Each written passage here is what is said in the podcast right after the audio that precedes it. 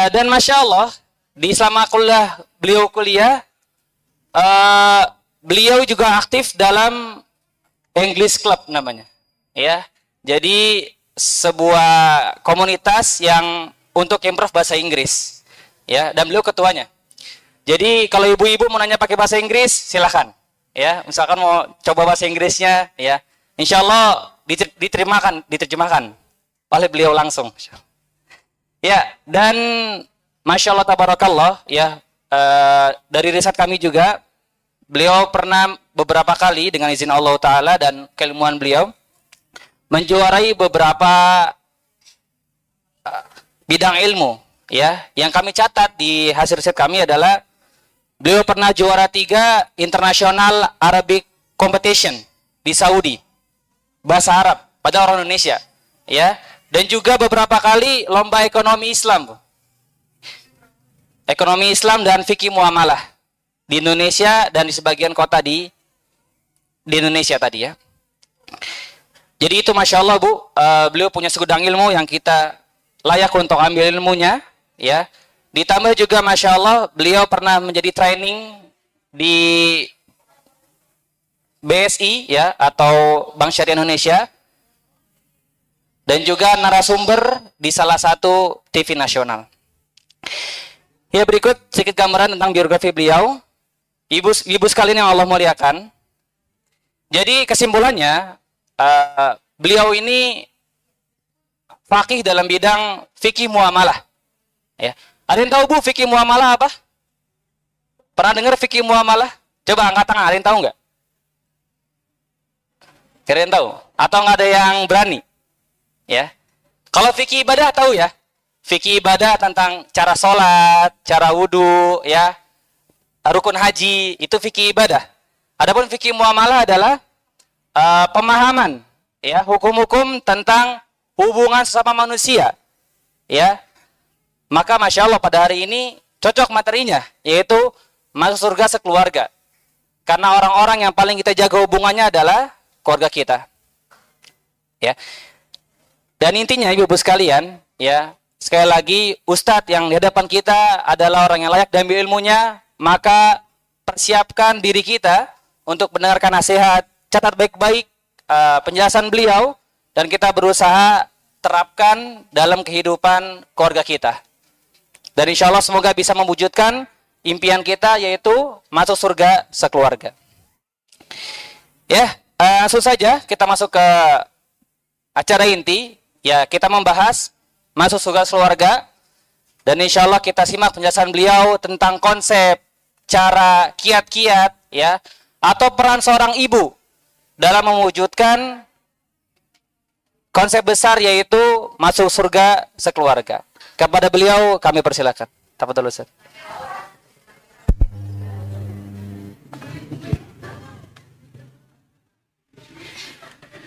Bismillahirrahmanirrahim. السلام عليكم ورحمة الله وبركاته.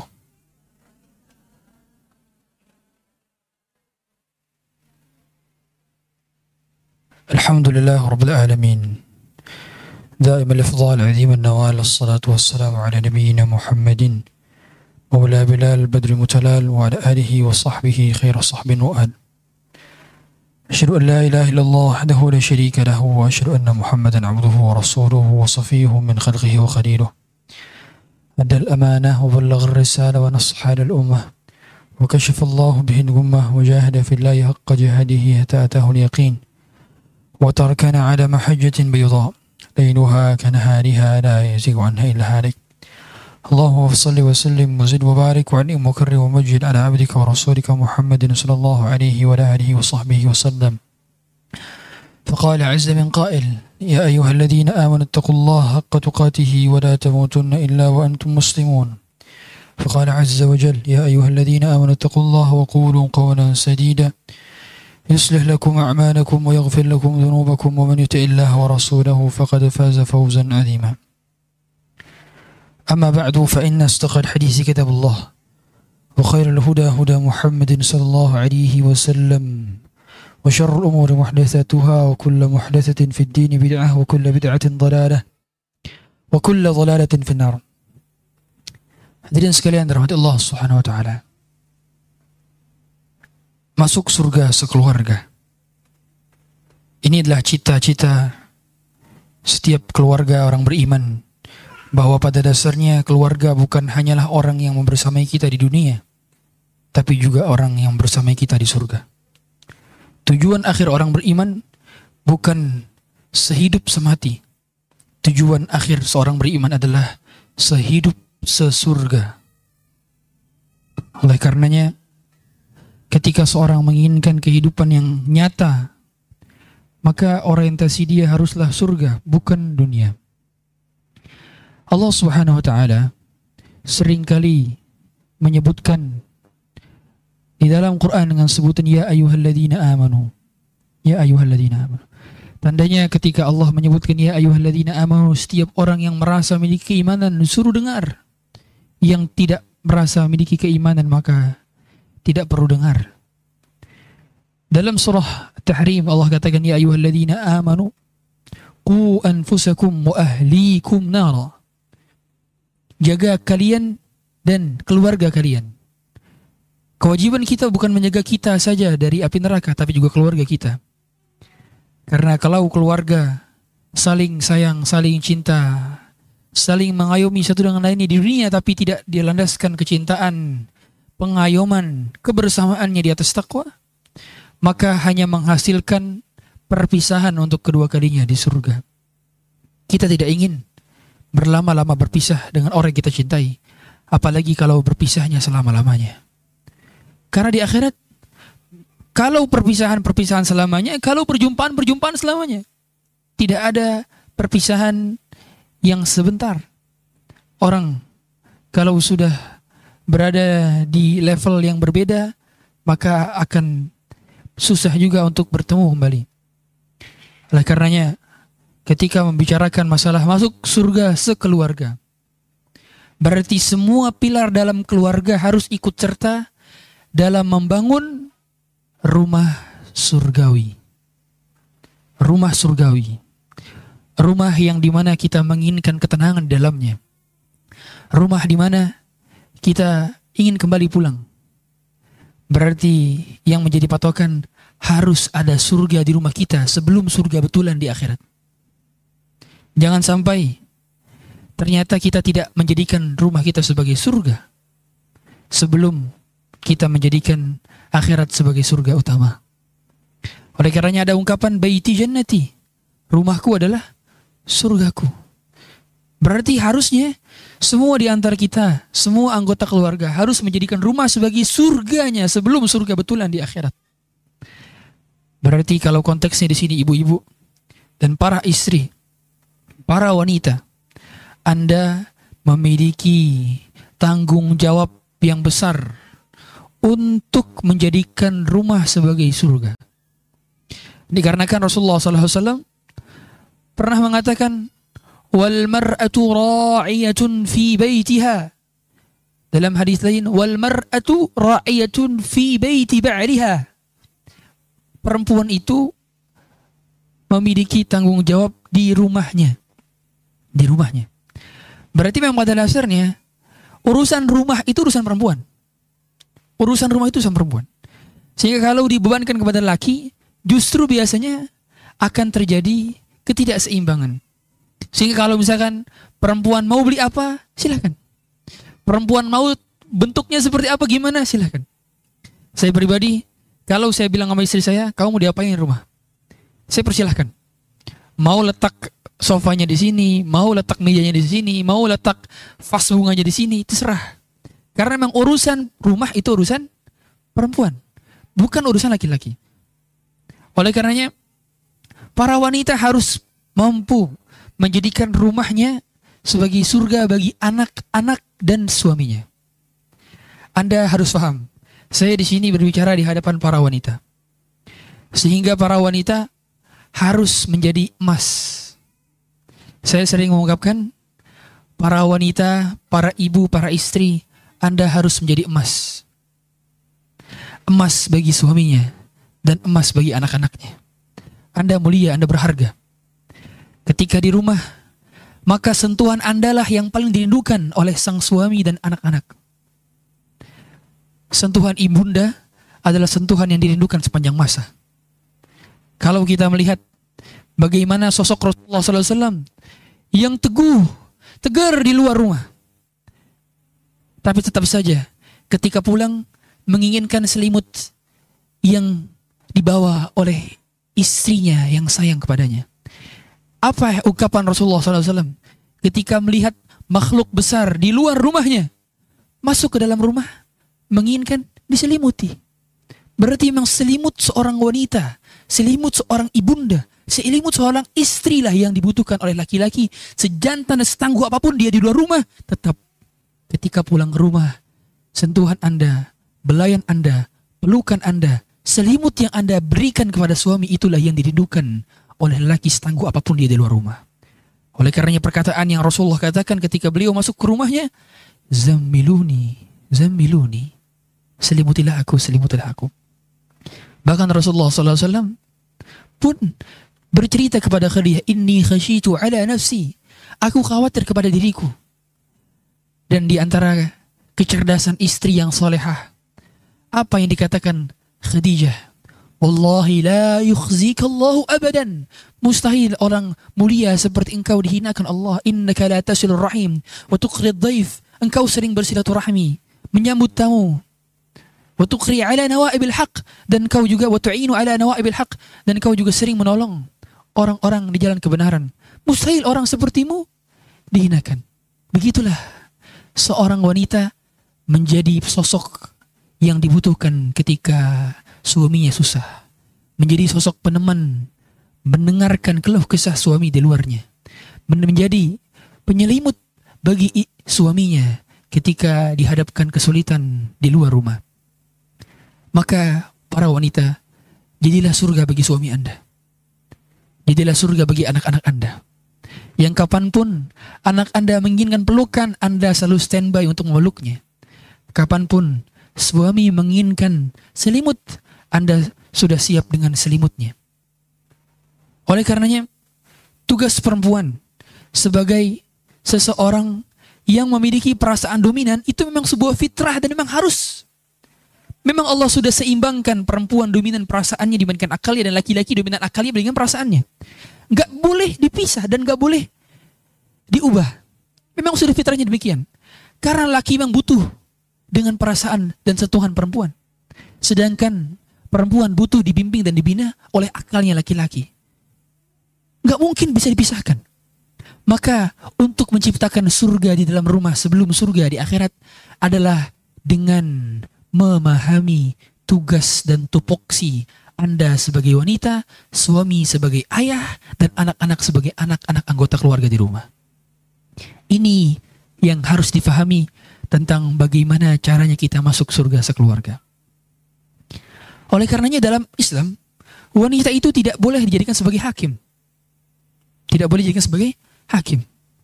Ustadz, bukankah kami juga bisa berlaku adil? Kalau begitu Islam mengatakan bahwa kita tidak bisa berlaku adil. Bukan. Hakim itu bukan masalah adil atau tidak, tidak adil.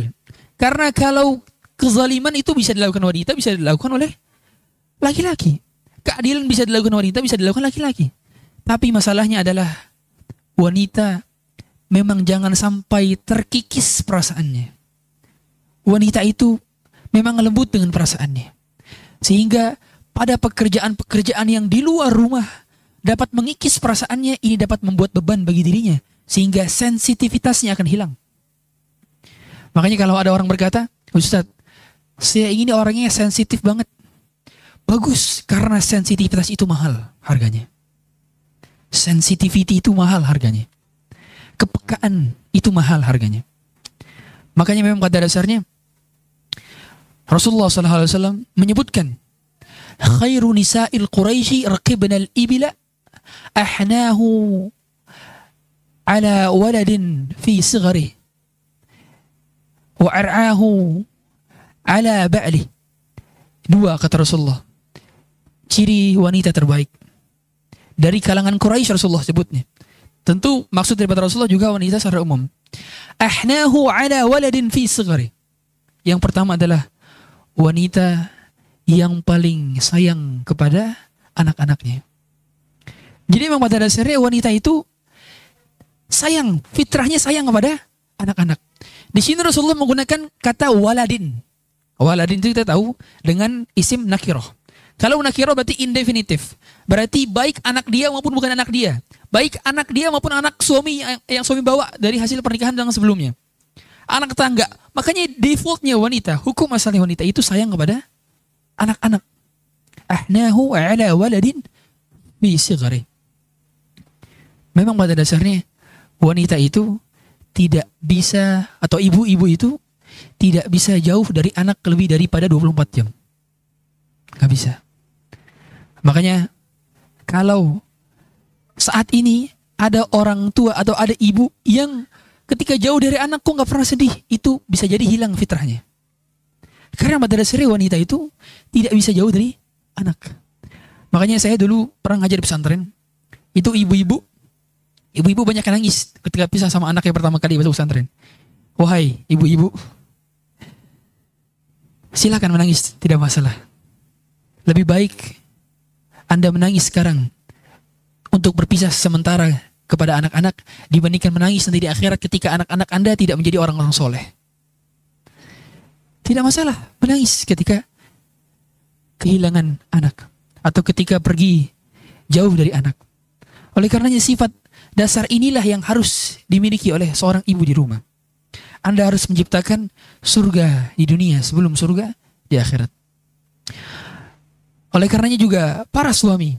Di sini ada suami gak Ustaz? Ada. Gak ada. oh iya. Dan tugas para suami memang pada dasarnya mendidik keluarganya dan tidak bisa ditukar tugas ini. Tidak bisa justru apa-apa diberikan kepada ibu. Ini yang kebanyakan keliru. Cara kita mendidik bahwa laki-laki itu memiliki tugas dan peran lebih besar dibandingkan wanita dari cara kita meminta pendapat. Sebagai contoh, seringnya, seringnya kalau ada keputusan mau pergi atau enggak, Ketika ditanyakan kepada bapaknya, Pak pergi apa enggak? Tanya mama kamu aja. Apa-apa, tanya ke mama. Coba gimana tanya mama dulu aja. Gak ada keputusan dari suaminya, hilang.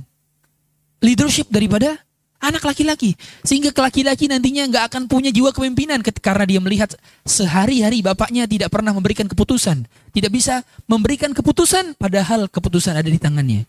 Mana sifat kawamnya? Mana sifat kawamahnya? Allah sudah katakan ar-rijalu qawwamuna 'ala nisa bima faddallahu ba'dahum 'ala ba'd wa bima anfaqu min amwalihim. Oleh karenanya memang pada dasar laki-laki harus punya sifat qawam. Di mana ketika berada di rumah maka suami harus memberikan keputusan, suami harus mendidik, suami harus iqamatun nizam. Qawam itu maknanya iqamatun nizam. Mendirikan peraturan. Jadi suami yang buat peraturan anak harus belajar kapan, masuk sekolah jam berapa, itu suami yang berat peraturan. Istri dan ibu tugasnya adalah menyayangi. Sehingga kalau misalkan anak dimarahin sama bapaknya, anak kembalinya ke mana? Ke ibunya. Karena memang sifat asal wanita harus memiliki sifat wadud. Sebagaimana kata Rasulullah, tazawwajul wadud dan walud. Wa inni mukathirun bikumul umamu yaumul qiyamah nikahilah wanita yang wadud. Wadud itu yang penyayang. Memang pada dasar sifat asal wanita itu wadud. Jangan kebalik. Kalau sekarang di rumah, giliran sudah dihukum oleh ibunya, lari ke bapaknya. Kalau sama ibunya nggak boleh diizinkan, lari ke bapaknya. Sama bapaknya boleh. Kebalik. Bapaknya yang tidak memiliki sifat kawam dan ibunya justru yang memiliki sifat kawam. Ibunya tidak memiliki sifat wadud, ibunya kasar, kejam kepada anak, sedangkan bapaknya rahim. Kebalik. Maka inilah yang harus dimiliki pada dasarnya. Kita harus mengetahui tupoksi kita masing-masing di dalam rumah. Sehingga tidak tertukar peran dan tugas dari suami, istri, dan juga anak. Hadirin sekalian dirahmati Allah Subhanahu wa taala. Kita tahu semua di Quran itu nama surat biasanya diambil dari nama nabi atau nama surat pertama, nama ayat pertama yang ada di surat tersebut. Dan biasanya kosakata yang tidak ada di surat lain. Contoh, surat Al-Baqarah. Al-Baqarah. Tidak ada kata Al-Baqarah selain di surat Al-Baqarah. Tidak ada. Lagi surat Al-Kautsar. Tidak ada kata Al-Kautsar kecuali di surat Al-Kautsar. Ya. Itulah ciri khas penamaan surat. Dan ternyata hanya ada satu surat saja yang penamaannya diambil dari nama keluarga. Surat apa? Ali Imran. Ali Imran itu keluarganya Imran. Bukan Al Imran, tapi Ali Imran. Al. Keluarga Imran. Mengapa keluarganya Nabi Muhammad SAW soleh-soleh, tapi tidak ada surat Al Muhammad. Keluarganya Nabi Ibrahim soleh-soleh, tapi tidak ada surat Al Ibrahim. Mengapa? Kenapa hanya ada surat Al Imran, keluarganya Imran? Padahal Imran itu bukan nabi. Imran itu bukan nabi. Yang nabi adalah Nabi Isa, cucunya Imran, Nabi Isa. Jadi Imran menikahi siapa?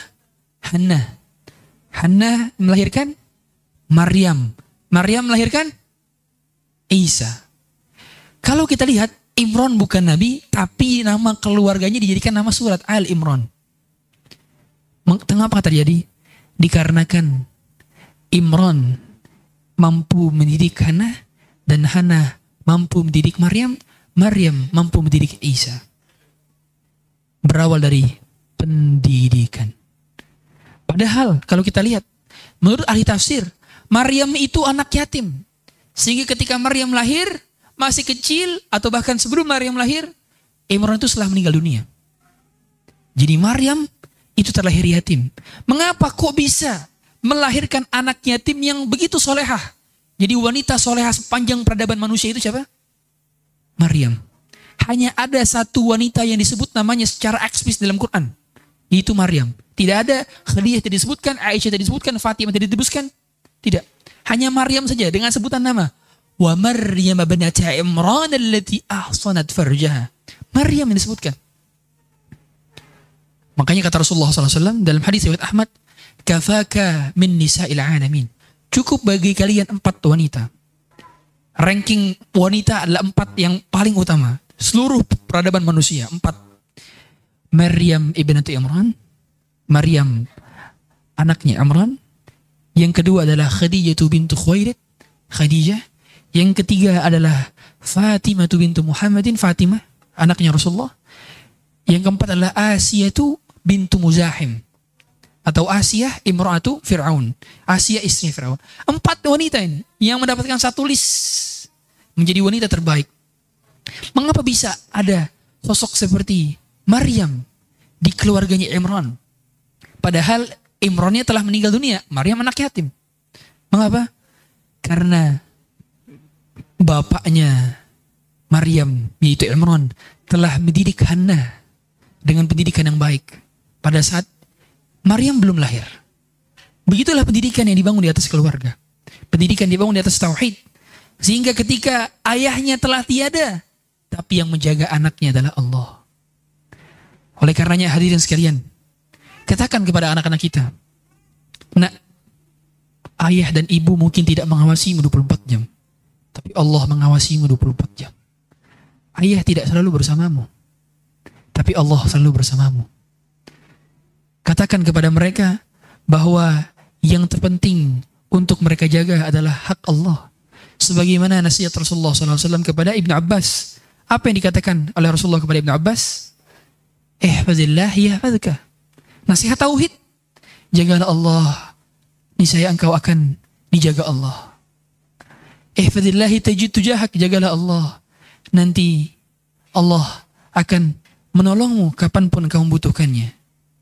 Wa'lam أن الأمة لو اجتمعت على أن ينفعوك بشيء لم ينفعوك بشيء إلا قد كتبه الله لك وإن اجتمعوا على أن يضروك بشيء لم يضروك إلا بشيء قد كتبه الله عليك رفعت الأقلام وجفت الصحف Ketahuilah nak, seandainya ada sejuta orang, seluruh manusia yang berusaha mencelakaimu, kalau tidak ditakdirkan Allah tidak akan bisa.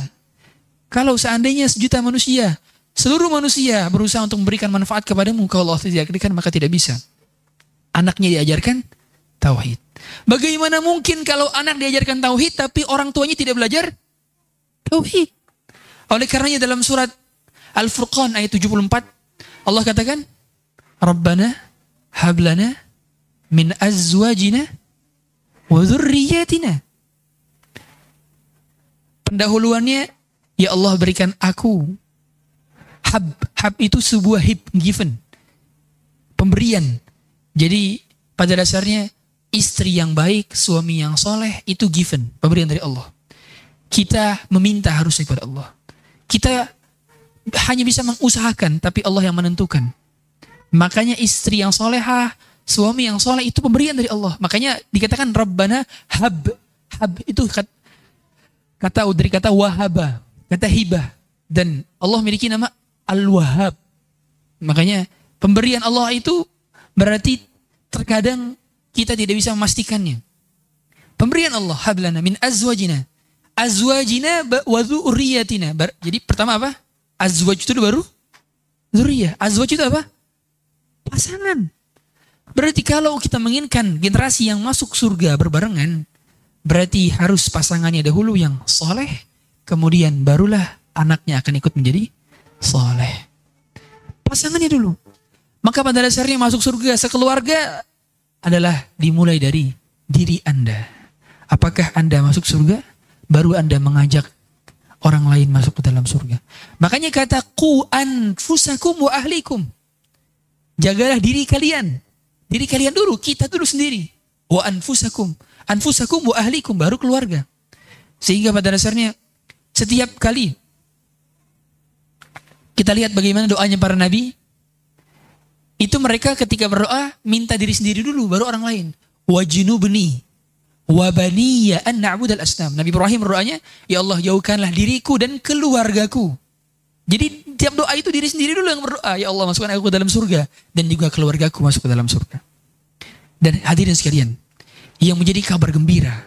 Ternyata kalau ada anggota keluarga yang surganya di atas kita. Ternyata memang ternyata. Kemudian kita berada di bawahnya. Maka Allah akan menaikkan derajat kita sehingga surganya menjadi selevel. Dalilnya dalam surat Tur.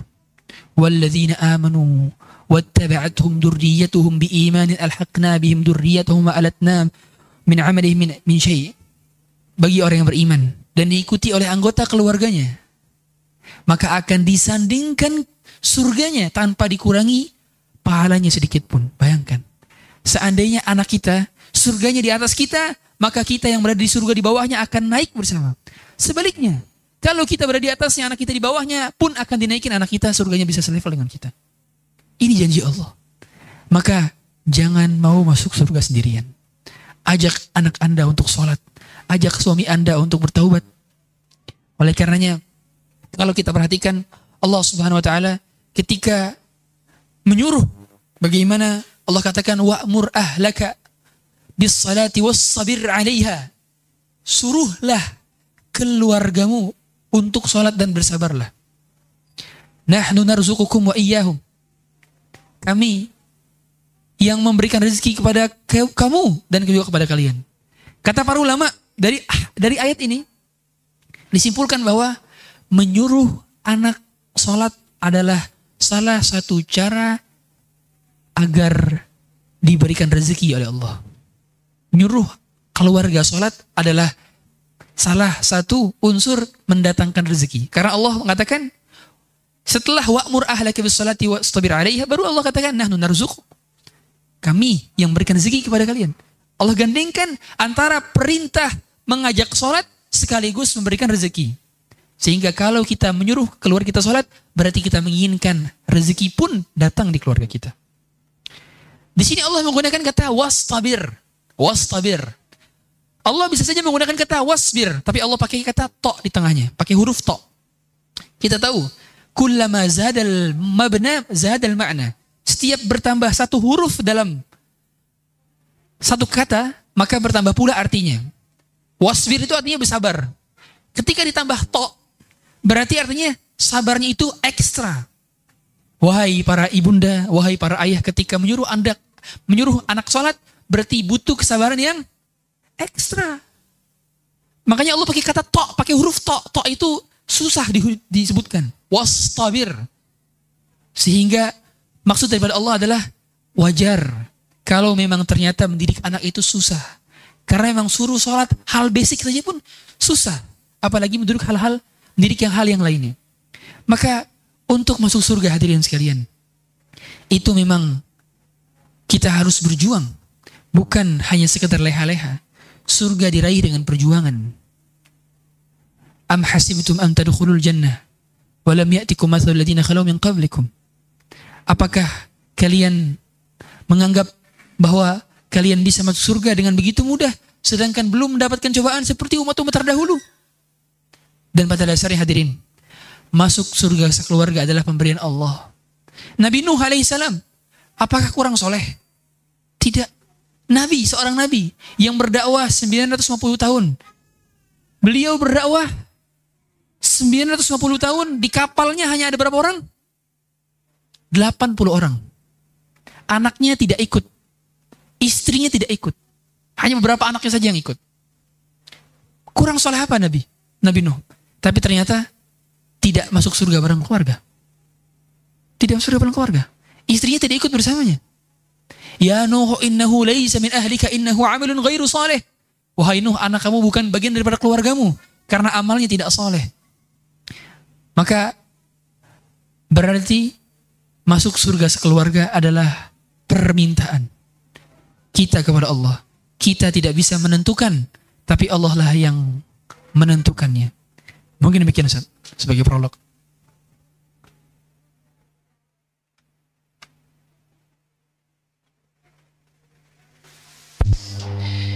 Ya Alhamdulillah untuk hal pertama yang belum sampaikan ya tentang gambaran umum kiat-kiat terkait masuk surga sekeluarga. Jadi yang kami simpulkan bahwasanya ibu-ibu sekalian, langkah pertama untuk kita berusaha dan menerapkan konsep masuk surga masuk surga sekeluarga adalah dengan kita mulai memperbaiki diri sendiri dulu. Sebagaimana para nabi berdoa untuk dirinya dulu, ya. Lalu berusaha sebaik mungkin meniti jalan menuju surga. Yang kemudian yang kedua beliau sampaikan untuk memulai setelah kita berusaha sambil berjalan kita ingatkan kepada anak-anak kita ya untuk sholat, untuk berhijab bagi yang perempuan, ya untuk menjaga pandangan bagi laki-laki. Dan beliau kasih penegasan bahwasanya wastobir, sabar yang benar-benar sabar. Ya, kita sepakat bahwasanya paling berat mendidik anak sendiri. Paling berat mendidik anak sendiri. Maka dari itu terus bersabar dan mencoba menerapkan hal kebaikan dalam keluarga. Nah Ustaz, uh, Anda mau tanya terkait materi tadi. Uh, tadi Ustaz menyampaikan tentang garis besar dan langkah-langkah yang positif untuk di keluarga. Lalu Ustaz bagaimana Ustaz? Di sisi lain, mungkin ada kesalahan-kesalahan, keliruan dalam kita mendidik Ustaz. Yang kita mungkin belum belajar nih, terus kita tahu ternyata salah. Mungkin Ustaz bisa kasih gambaran hal-hal yang keliru, yang salah, yang jangan diterapkan dan kita berusaha perbaiki Ustaz. Tafadhol Ustaz. Ibu-ibu sekalian dirahmati Allah Subhanahu wa taala. Dalam mendidik keluarga, maka dibutuhkan koneksi sebelum koreksi. Connection before correction. Bagaimana mungkin kita mau menyuruh anak kita sholat kalau kita tidak sholat? Bagaimana mungkin kita mau menyuruh anak kita agar tidak merokok kalau bapaknya merokok? Bagaimana mungkin kalau kita menyuruh anak kita berhijab sedangkan kita tidak berhijab? Tidak bisa. Dan pendidikan di dalam keluarga dibutuhkan figur kasih sayang yang terlebih dahulu didahulukan sebelum mengoreksi. Sebelum memerintahkan maka buatlah koneksi dengan anak. Buatlah koneksi dengan keluarga. Sehingga kalau kita perhatikan para ibu-ibu sekalian yang mohon maaf kerja di luar rumah yang sedikit waktunya dengan anak ini biasanya akan sulit mendidik anak karena anaknya jarang melihat wajah ibunya. Kita tahu, anak itu usia 0 sampai 7 bulan atau 0 sampai 6 bulan, itu pandangan matanya hanya berjarak 30 cm. Sehingga harusnya ketika kita mendidik dia, wajah dialah yang harus kita wajah orang tuanya lah yang harus dia lihat, bukan wajah pembantunya. Sehingga gimana caranya anak itu paling sering lihat wajah kita. Rasulullah itu menampakkan wajah beliau di hadapan Abu Umamah. Ya. Atau Umamah. Ya, cucu beliau. Sengaja ditampakkan face to face. Begitulah anak-anak harusnya ketika sedang nangis, yang pertama kali dilihat adalah wajah bapak dan ibunya. Sehingga ketika dia sudah dewasa, ketika pertama kali dia sedih, yang pertama kali di, diingat adalah wajah ayah dan ibunya. Tentu setelah Allah Subhanahu wa taala. Oleh karenanya, seringnya kita ini mendidik tapi tidak ada koneksi dengan anak. Makanya hadirin sekalian, akan sangat berbeda. Orang-orang yang mendidik anaknya dengan punya keterkaitan emosional dengan anaknya dengan hanya memerintah saja. Jangan sampai ibu-ibu sekalian, pertanyaan kita kepada anak itu template. Sudah makan belum? Sudah sholat belum? Ada PR apa enggak? Tiga doang pertanyaannya. Dan ini akan membuat bosan anak. Coba kalian, coba kita tanya bagaimana sekolahnya, how's your school, gimana sekolahnya, gimana teman-temannya. Kita tanya apa yang membuat dia senang di sekolahnya. Demikian kita tanyakan. Bukan soal pertanyaan-pertanyaan template. Tentu kita penting menanyakan tentang sholat. Tapi bagaimana membuat komunikasi, menjalankan komunikasi. Dan pada saya ada perbedaan antara setiap jenjang umur dalam tahap pendidikan itu berbeda. Kekeliruan yang banyak terjadi lagi-lagi adalah tidaknya memiliki ikatan koneksi dengan anak tidaknya menjadi teladan bagi anak. Oleh karenanya harusnya ketika anak nangis yang pertama kali dilihat itu bukan bukan layar handphone. Anak nangis dikasih kokomelon. Anak lahir dikasih upin ipin. Nantinya akan termain saya di otak dia. Oh, Berarti what kokomelon lah yang menjadi pelipur bagi dukaku. Oh berarti ketika aku sedih, maka upin ipin lah yang menjadi penghilang bagi dukaku dan laraku. Bukan wajah dan ibunya. Bukan wajah ibunya, bukan wajah bapaknya. Harusnya ketika dia nangis, wajah di wajah kita lah yang pertama kali dia lihat. Bukan wajah upin ipin, bukan wajah kokomelon. Oleh karenanya kita harus pastikan kesayangan kita full kepada dia. Wahai nak, ketika engkau menangis, maka pelukan ibulah yang pertama kali engkau rasakan. Wahai nak, ketika engkau bersedih, ada seorang yang melukai hatimu di luar rumah, maka ayahlah yang pertama kali menyeka air matamu. Begitu harusnya. Sehingga anak-anak itu paham bahwa orang tuanya lah yang memiliki kasih sayang yang berlebih kepada anak-anak. Oleh karenanya, kita tahu semua, untuk mendidik maka harus dicintai. Anda harus dikagumi. Karena kalau kita mengkoreksi, kalau kita sudah dikagumi dan kita sudah bisa mengkoreksi, akan sangat mudah sekali pendidikan. Sebagai contoh, kita tahu sebuah kisah yang hadis riwayatnya mursal memang tapi dikuatkan oleh banyak riwayat.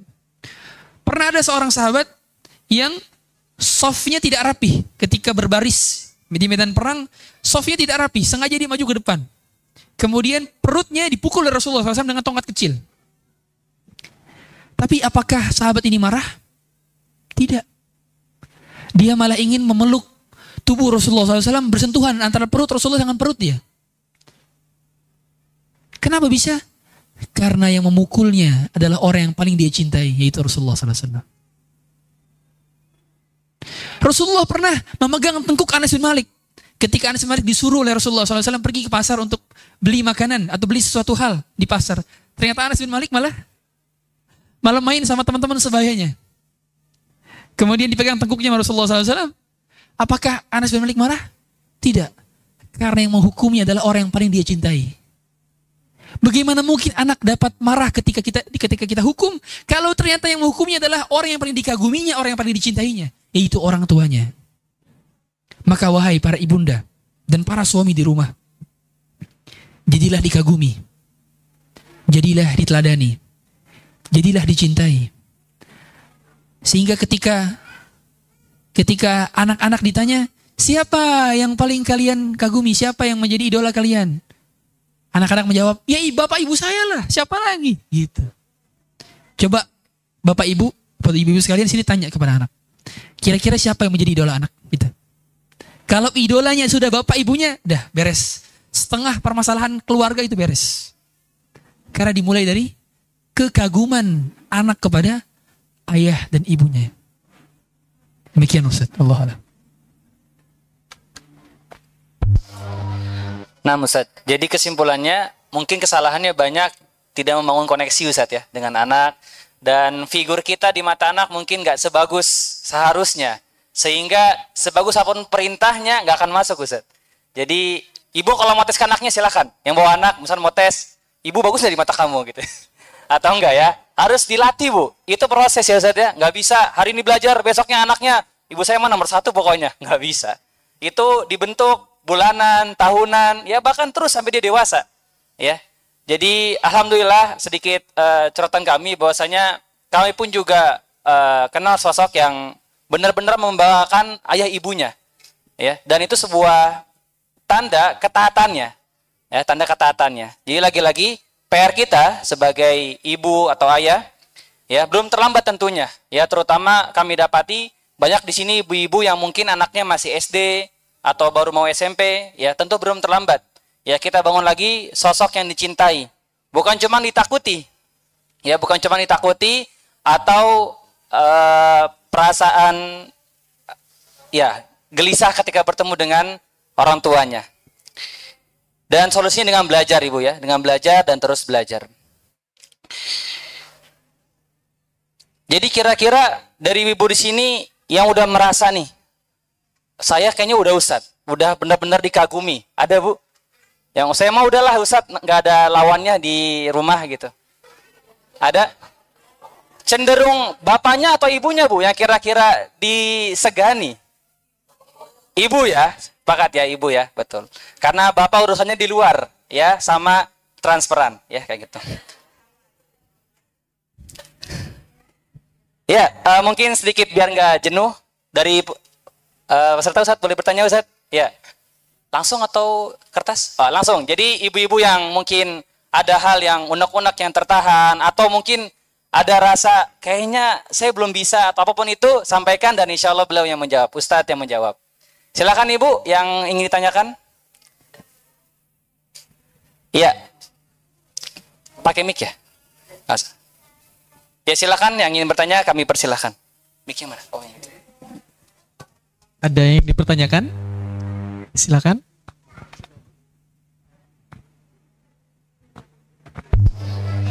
Bismillah. Assalamualaikum warahmatullahi wabarakatuh. Semoga Ustadz dan kita semua yang hadir diridhoi Allah. Uh, Ustadz saya mau bertanya. Zaman sekarang ini kan handphone uh, memang apa ya e, memang sudah melekat pada kita semua gitu ya Ustadz mau anak-anak maupun yang sudah dewasa kalau anak-anak kita batasi benar-benar yang nggak boleh megang handphone kayaknya e, kayaknya nggak mungkin ya Ustadz jadi e, kalau misalnya nih kita dalam satu hari hafal 40 ayat misalnya terus kita kasih handphone selama dua jam misal itu bagaimana ya Ustadz? Gitu, syukran. Assalamualaikum warahmatullahi wabarakatuh.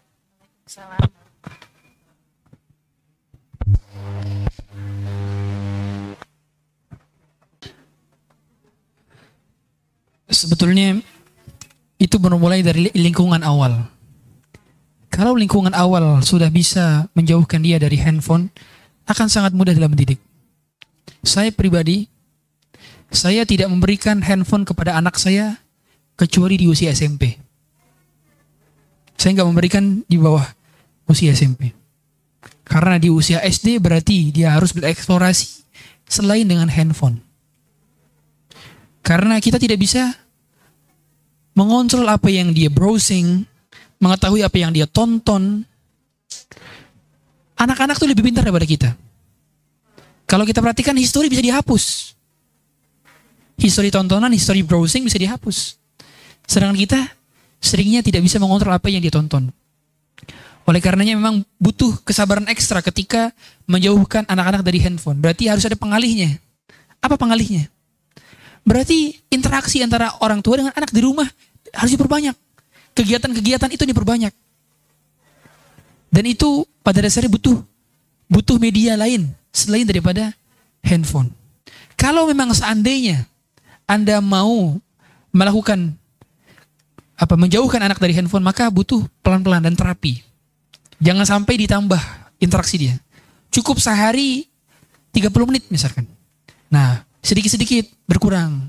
Besok 20 menit, besok lama-lama dihindarkan. Karena nantinya kalau sudah kebiasaan dikit-dikit handphone, dikit-dikit handphone, Anda akan kecanduan. Dan beberapa berita saya dapati bahwa ada anak yang mengalami gangguan kejiwaan karena berlebihan dalam penggunaan handphone. Iya. Bahkan dalam penelitian saja, kalau kita menggunakan handphone lebih daripada dua jam, kita itu sudah kategori memiliki gangguan kejiwaan. Bayangkan, kalau dua jam lebih, berapa jam kita sekarang? Coba cek screen time-nya di handphone. Ya. Itu itu sudah memiliki gangguan. Nah, oleh karenanya, gimana caranya anak itu supaya tidak kecanduan handphone? Kalau saya pribadi, saya memberi kesepakatan dengan istri, agar tidak menggunakan handphone di depan anak dengan main-main. Cukup sebutuhnya. Kalau sudah di depan anak, saya jauhkan handphone. Saya berusaha untuk all out sama dia. Entah saya jadi badut, atau saya jadi kuda-kudaannya, atau saya bercanda main apa pun dengan dia. Yang jelas ketika bermain dengan dia, saya tidak sibuk dengan handphone saya. Dan mohon maaf ibu-ibu sekalian. Ketika Anda sedang menyusui, maka mohon jangan sambil main handphone jauhkan handphone. Pertama itu dia kena bagian daripada sinyal apa dan itu gangguan juga radiasi. Kemudian juga ini menunjukkan kepada kita bahwa kita tidak all out ketika menyusui. Padahal pada saat menyusui itulah interaksinya kuat. Karena Anda sedang, sedang mentransfer darah. Susu itu kan dari darah asalnya. Anda sedang mentransfer darah, maka komunikasi dengan anak. Nah, jadi anak soleh, nak. Nah, Ibu tuh sayang sekali sama kamu. Katakan kepada dia meskipun dia nggak paham arti kita. Tapi itulah perasaan yang dibangun. Bondingnya ketika sedang menyusui. Nikmati proses menyusui itu. Kepada anak.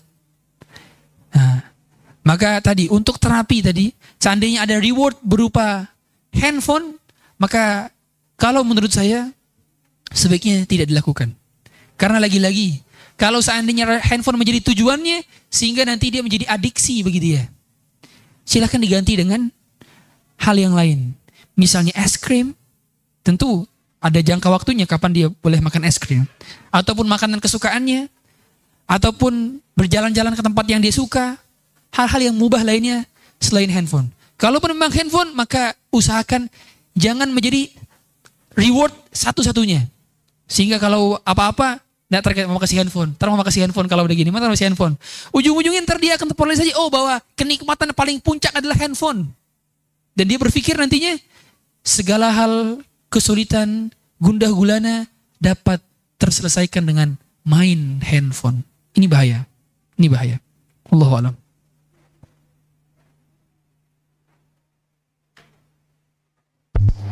Ya berikut Ibu e, pertanyaan terkait penggunaan handphone yang mana sudah menjadi marak ya di kalangan masyarakat, maka kami simpulkan bahwasanya di zaman ini betul kita katakan zaman yang teknologi semua serba digital, namun kita garis bawahi bahwasanya bukan berarti kita kalah dengan zaman. Kita mengikuti apa keburukan zaman, bukan. Tapi maksud Allah buat kita zaman ini adalah kita harus lebih effort, kita harus lebih capek dan mendidik anak kita. Mungkin zaman dulu nggak ada namanya uh, handphone jarang, hanya HP tombol ya atau harus ke warnet. Jadi kesimpulannya yang beliau sampaikan bahwasanya terus berusaha sebaik mungkin berikan gadget itu sesuai dengan waktunya dan beliau sendiri berpendapat di umur SMP ya. Dan itu bisa diterapkan mungkin kepada anak-anak ibu sekalian terutama jika masih kecil. Ya jika masih kecil masih ada peluang. Dan kami juga tambahkan sedikit uh, bahwasanya mungkin ada bantahan Ustadz tapi kalau misalkan nggak dikasih HP nanti nangis. Gitu ya. Maka nggak apa-apa nangis. Daripada kita yang nangis anak kita diambil sama HP nggak apa-apa ya karena sedihnya itu tidak berkepanjangan mungkin satu lagi yang ingin ditanyakan perihal dengan pendidikan anak dan kaitannya dengan masuk surga sekeluarga. Ada lagi Ibu? Oh ya, tafadhol.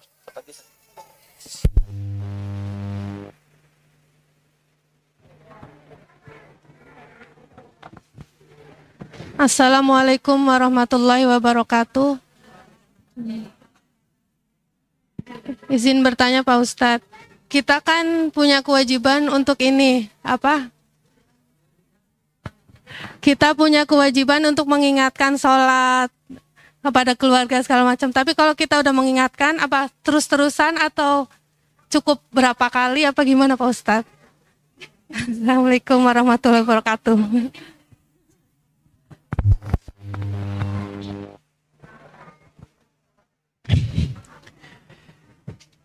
Ketika sudah mengingatkan sekali, maka ingatkan lagi tentu ingatkannya dengan cara yang lain.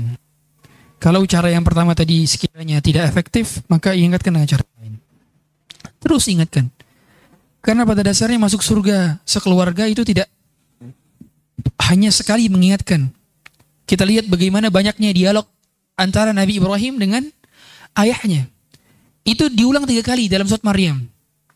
واذكر في الكتاب إبراهيم إنه كان صديقا نبيا إذ قال لأبيه يا أبت لم تعبد ما لا يسمع ولا يبصر عنك شيئا يا أبت إني قد جاءني من العلم ما لم يأتك فاتبيني أهلك صراطا سويا يا أبت لا تعبد الشيطان tiga kali dengan sebutan ya abati ya abati ya abati tandanya ada repetisi dalam mengingatkan bukan hanya sekali kalau ternyata terasa hambar nasihat kita maka ketahuilah cari cara lain dalam memberikan nasihat. Biasanya orang itu terima nasihat kalau di awalnya sudah menyejukkan dada.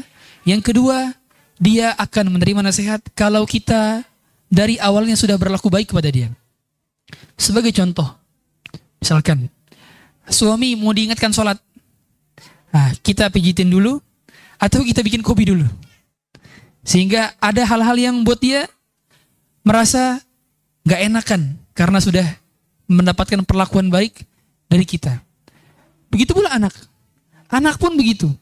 Kalau orang tuanya sudah effort untuk memberikan hal kepada dia, ketika diperintahkan sesuatu, biasanya akan sungkan kalau tidak mentaati perintah tersebut.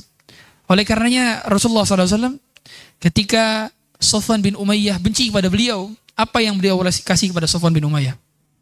Onta. 200 ekor onta dikasih. Bayangkan. Jadi kalau ada orang marah sama kita, kita kasih mobil gimana? Ya, akan senang sekali, akan berubah jadi cinta kan gitu. Pun begitu. Kalau ternyata nasihat kita tidak mempan, berarti memang kita belum ada koneksi dengan pihak yang kita nasihati. Karena ketika sudah ada koneksi dengan pihak kita nasihati, biasanya mudah nasihat tersebut akan diterima oleh mereka. Dan pada dasarnya butuh kesabaran, Wah Ibu. Dan jangan lupa, kita lupa perihal tentang satu hal. Mendoakan. Orang sibuk menasehati, sibuk memberikan arahan, tapi lupa mendoakan. Di kunci inilah pada dasarnya hati itu akan tergerak. Karena hidayah taufik hanya milik Allah. Sedangkan kita hanya bisa mengusahakan hidayah itu irsyad. Bukan hidayah itu taufik. Hidayah ada dua. Hidayah itu taufik dan hidayah itu irsyad. Hidayah yang membuat hati orang bergerak adalah hidayah itu taufik. Hidayah yang membuat kita menyampaikan sesuatu itu dia itu irsyad. Kita hanya punya hidayah itu irsyad. Tapi Allah punya hidayah itu taufik. Yang menentukan dia berubah atau tidak hanya Allah. Kita hanya bisa mengusahakan. Ma alaika illa al-balagh wa alaina al-hisab. Kata Allah, tidaklah tugasmu hanya menyampaikan saja.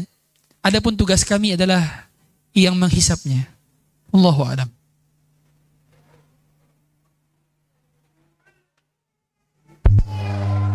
Ya, jadi begitu Ibu, terkait pertanyaan apakah cukup sekali atau terus-terusan mengingatkan? Ya, jawabannya terus-terusan. Itulah kenapa Nabi pun dakwah 13 tahun yang itu-itu aja tentangnya. Ya, dan buah itu bu nggak akan muncul sampai waktu yang panjang. Kalau pohon aja, eh, apel, mangga itu nggak bisa dua tahun tiga tahun, butuh 10 tahun mungkin sampai dia besar, baru dia berbuah. Apalagi anak kita, makhluk hidup yang bergerak, yang punya akal, maka tentunya harus lebih sabar. Ya dan kesabaran kita nggak lebih sabar daripada Nabi. Para Nabi itu juga diuji dengan keluarganya. Sebagaimana Nabi Nuh, Kan'an, ya itu pun juga diuji. Jadi kalau ibu merasa, Ustadz, kok saya berat ya? Memang itu fitrah. Ya situ ujian dari Allah, bahwasanya memang keluarga itu lebih berat. Ya selanjutnya saya mau balik. Kalau tadi kan ibu yang ke Ustadz, ya, dan sekarang kami mau wakil Ustadz ingin bertanya Ustadz ya, boleh Ustadz? Nanti mau dikoreksi Ustadz, yang salah boleh pulang Ustadz? Oh, enggak, jangan.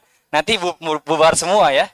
Ya, uh, saya mau menanyakan, mewakili materi Ustadz, dan ibu harus berani jawab, ya, nggak apa-apa. Mungkin nanti kalau yang jawabannya baik dan benar, insya Allah kita usahakan ada hadiahnya, ya. Ya, sudah siap Ibu ya? Bisa dicek catatannya atau ingatannya? Uh, pertama, saya mau nanya. Tadi beliau pernah menjelaskan di awal tentang fitrah dari laki-laki dan perempuan berbeda. Ya, laki-laki dominan akal, perempuan dominan perasaan.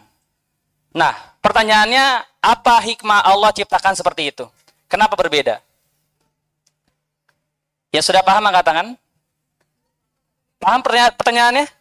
Paham ya? Allah ciptakan laki-laki dominan akal, perempuan dominan perasaan. Lalu apa hikmahnya? Kenapa nggak dibuat sama aja? Gitu. Ayo angkat tangan, pakai mic jawabnya bu. Kalau nanya tadi rebutan ya, pas jawab nggak ada. Angkat tangannya tinggi bu, yang kayak gini, nggak kelihatan. Gak ada yang mau jawab? Ada hadiahnya insya Allah. Saya pastikan ada hadiahnya. Ah, Ibu yang baju uh, kerudung biru, silakan.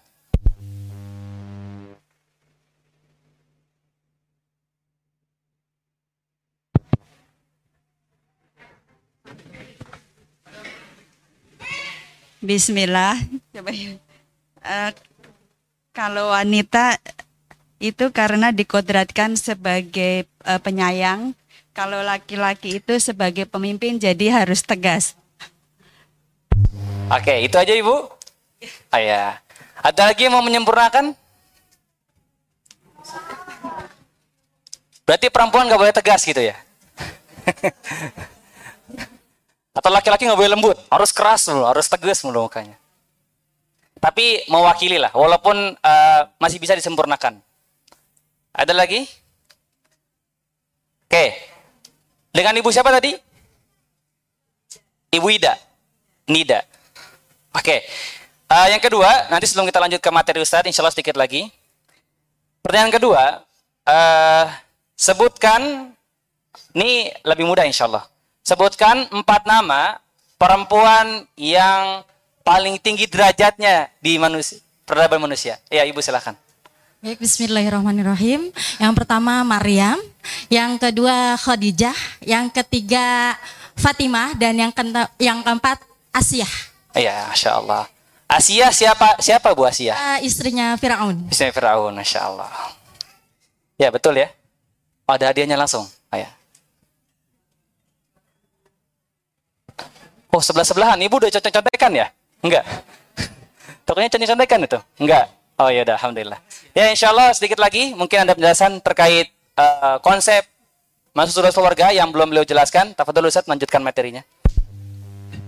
Yep. Jadi pada dasarnya masuk surga sekeluarga ini mau tidak mau harus ada pengajaran tauhidnya.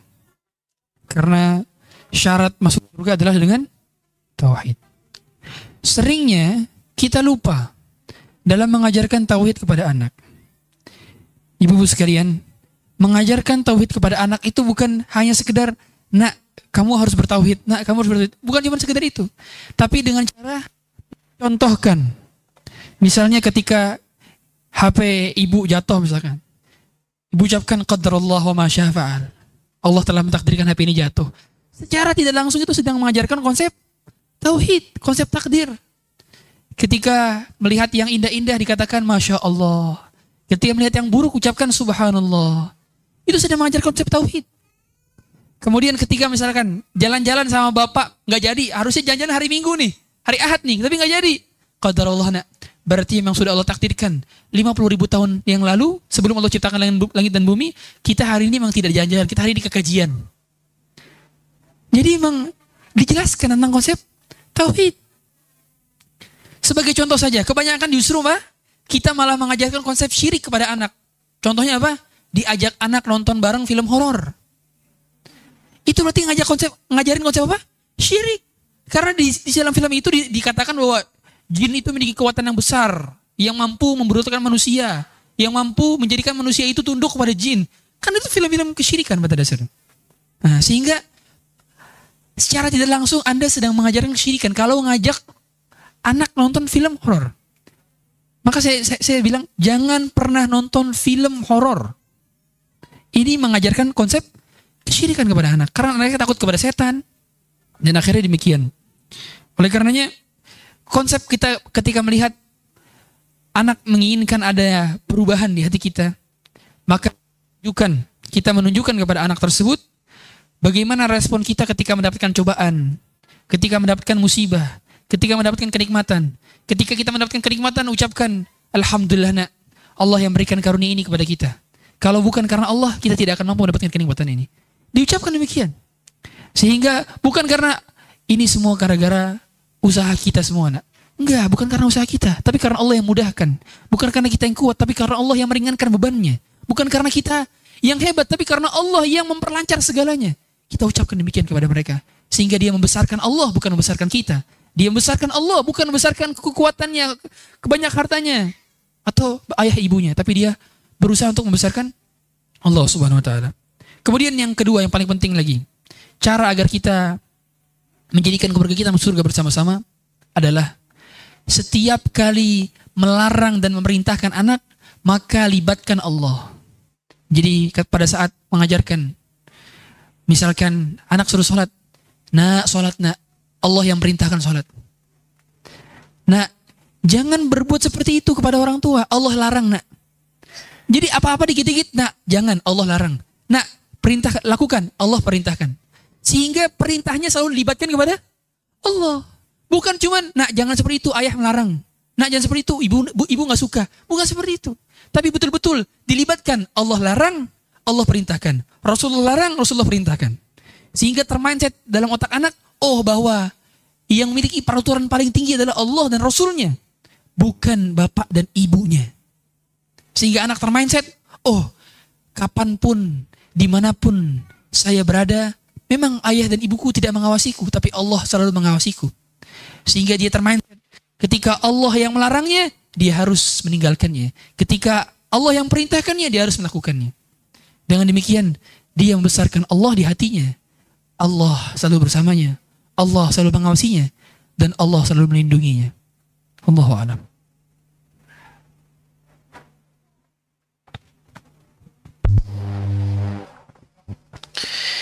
Ya, alhamdulillah beliau kembali menambahkan ya terkait poros atau inti dari konsep untuk masuk surga sekeluarga bahwasanya lagi-lagi kembali kepada tauhid ya. Bagaimana kita mengesahkan Allah ya, kita yakin bahwasanya segala sesuatu Allah yang mengatur. Dan tadi beliau sampaikan dua poin ya. Yang pertama tentang harus menerapkan tauhid dalam kehidupan ya, dalam prakteknya juga Bagaimana kalau seorang anak itu gagal, kena musibah, ya kita katakan Allah yang mengatur. Betapa banyak konsep-konsep sederhana yang tidak di, di, tidak dikaitkan dengan tauhid. Ya, misalkan ketika anak kecil kepentok meja, yang dipukul mejanya. Ya, padahal mejanya diem, ya. Maka kita katakan ya qadar Allah, Allah sudah mengatur sedemikian rupa sampai daun yang jatuh pun Allah yang mengatur. Ya, tadi yang beliau tegaskan seperti itu. Maka terus berusaha terapkan dalam kehidupan kita. Dengan syarat pertama kita belajar dulu, baru kita terapkan.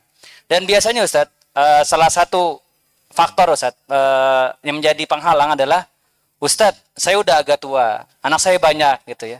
Sehingga uh, nggak maksimal dalam penerapan akidah dalam kehidupan gitu Ustaz. Jadi bagaimana Ustaz jika memang keadaannya mungkin ketika mudanya belum sempat belajar agama, lalu ketika sekarang sudah anak lima mungkin anak enam atau sudah bercucu, tapi sudah agak jauh Ustaz dari konsep agama. Bagaimana memulainya Ustaz ketika sudah terlambat mungkin cukup lama. Ini kan mungkin baik kalau misalkan dari awal Ustaz ya. Tapi bagaimana kalau qadar Allah sudah umur 40, 45 baru kita paham tentang konsep tauhid dalam keluarga Ustaz. Tidak ada kata terlambat. Yang terlambat adalah kalau Anda sudah berada di tanah, di bawah tanah. Nabi Ibrahim, berapa lama Nabi Ibrahim bertemu Nabi Ismail? Berapa lama? Kapan Nabi Ibrahim mendidik Nabi Ismail? Kapan? Pada usia remaja. Apakah dari kecil bersama Nabi Ibrahim, Nabi Ismail? Tidak. Begitu kecil ditaruh di sebuah padang pasir yang tidak berpengaruh. Jangankan tumbuhan hidup, tumbuhan mati saja tidak ada yang pada saat itu dia bersama ibundanya saja. Nabi Ibrahim tidak bersamanya. Tapi ketika sudah bertemu, maka Nabi Ismail menjadi seorang pemuda tangguh yang ketika mau disembeli ayahnya dia siap menerimanya. Ya bunayya inni ara fil manami anni azbahuka fanzur madza tara. Qala ya abati fa'al ma tu'mar. Satajudini insyaallah minas sabirin. Kata Allah katakan dalam surat As-Saffat bagaimana dialog antara ayah dengan anaknya. Yang pada saat itu kalau kita perhatikan Nabi Ismail begitu kuat tauhidnya. Padahal jarang bertemu dengan ayahnya. Apa yang menyebabkan kekuatan tauhidnya? Satu. Ketawakalan ayah dan ibundanya untuk memasrahkan kepada Allah. Apakah ibu-ibu sering mendoakan anaknya? Itu kuncinya. Kuncinya di doa. Kemudian ketika sudah tua, ternyata maka akan ada perubahan kalau kita mengusahakannya dan Allah mengizinkannya. Bagaimana caranya? Pertama, lagi-lagi, ubah dari kita dulu. Saya banyak dapati orang yang baru hijrah itu pada usia tua. Tapi bisa lebih mendahului orang yang lebih dahulu hijrah, lebih dahulu taubat. Luar biasa, lebih semangat, bahkan belajar bahasa Arab. Belajar bahasa Arab. Dan sekarang kalau berbicara pakai bahasa Arab, pada usia tua. Karena hidayah itu menyapa di usia-usia tua atau di usia muda pada dasarnya tidak berpengaruh. Yang berpengaruh adalah endingnya seperti apa. Oleh karenanya, kalau kita melihat bagaimana Umar bin Khattab, bagaimana Abu Bakar, bagaimana Osman, Abdurrahman Ma'uf, itu masuk masuk tua di usia yang tidak lagi muda. Tapi mengapa mereka menjadi orang top di agama ini? Umar bin Khattab menjadi orang top nomor dua, Abu Bakar menjadi orang top nomor satu. Padahal masuk usia, masuk Islamnya di usia tua. Tandanya memang yang menjadi patokan adalah ketika seorang sudah mendapatkan hidayah, tidak ada lagi persoalan di usia berapa dia mendapatkan hidayah. Yang menjadi persoalan bagaimana dia menutup usianya. Maka hadirin sekalian, selagi Anda masih hidup, anak Anda masih hidup, suami masih hidup, maka Anda masih punya potensi untuk masuk surga sekeluarga. Selama Anda belum meninggal, anak belum meninggal, suami belum meninggal, berarti masih bisa masuk surga. Bagaimana menutup umur menutup usia dengan happy ending, husnul khatimah. Caranya, ajak keluarga. Memang kalau sudah usia tua, punya anak usia tua, berarti cara pendekatannya adalah bukan dengan cara memerintahkan. Kalau usia 0 sampai 7 tahun, kita bonding dengan dia. Kita berkoneksi dengan dia. Treat them like a king, like princess. Betul-betul kita ayomi dia seperti raja dan ratu. Pada usia 0 sampai 7 tahun.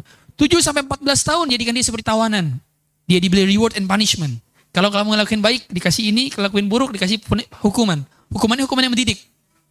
Usia 14 sampai 21 tahun dia jadikan teman. Teman diskusi.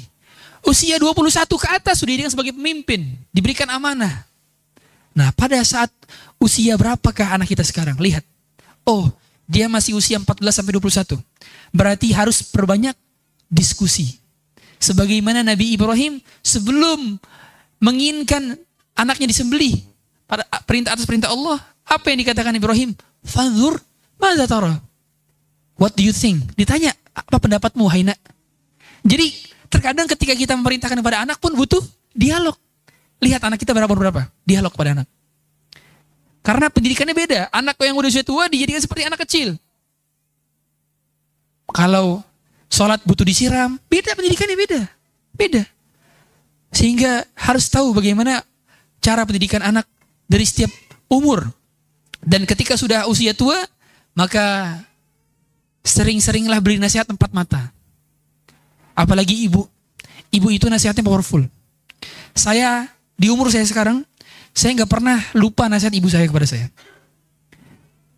Karena saya tahu perjuangan ibu saya kepada saya. Sehingga kalau ibu-ibu sekalian menginginkan ada bekas yang dimiliki oleh seorang anak, maka milikilah kesan. Tinggalkanlah kenangan dan jadilah teladan. Dua. Dan ketika kita mampu menjadi teladan, biasanya karena kita sudah mampu meninggalkan kenangan. Kenangan itu yang berkesan. Saya dulu ingat sekali. Saya terlahir yatim.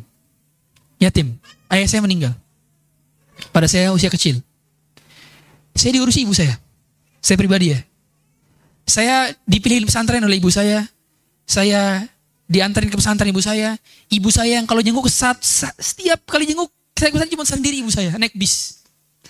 Saya ingat sekali pada saat ibu saya pada saat itu ibu saya bawa buku. Jadi pada saat itu ada ada taftish kutub, ada pemeriksaan buku, ujian akhir. Ibu saya bawa buku dari rumah dengan apa namanya? Dengan dus-dus. Dus-dus isi buku berat. Dua, dua, dua dus. Bayangin. Naik bis, naik turun bis. Untuk bisa ke pesantren saya di Bogor. Waktu itu. Saya nangis ketika melihat itu. Saya nangis. Sampai sekarang tidak akan pernah lupa kesan itu. Tidak akan pernah lupa. Saya bilang sama istri saya. Kamu gak akan pernah jadi nomor satu di hatiku. Karena di, di hatiku nomor satunya adalah ibu saya. Ibuku. Kalau kamu tidak suka dengan ini, baik terpisah. Saya bilang begitu istri saya. Karena ibu saya berkesan buat saya. Gak akan pernah bisa tergantikan. Jadi kalau ibu mau menginginkan anaknya berubah, jadi berkesan dulu buat anaknya. Cari kesan, cari momentum. Cari kapan anak tuh tertegun. Oh ternyata begini kasih sayang ibuku kepadaku. Begitu. Itu gak akan pernah dilupakan. Ibu bilang A akan ikut A. Ibu bilang B akan ikut B. Cari kesan. Apa yang telah kita perjuangkan kepada anak. Kalau ternyata kita belum memiliki perjuangan kepada anak, berarti di situ salah satu kunci mengapa anak kita belum berubah saat ini. Tentu setelah hidayah Allah Subhanahu wa taala. Wallahu alam.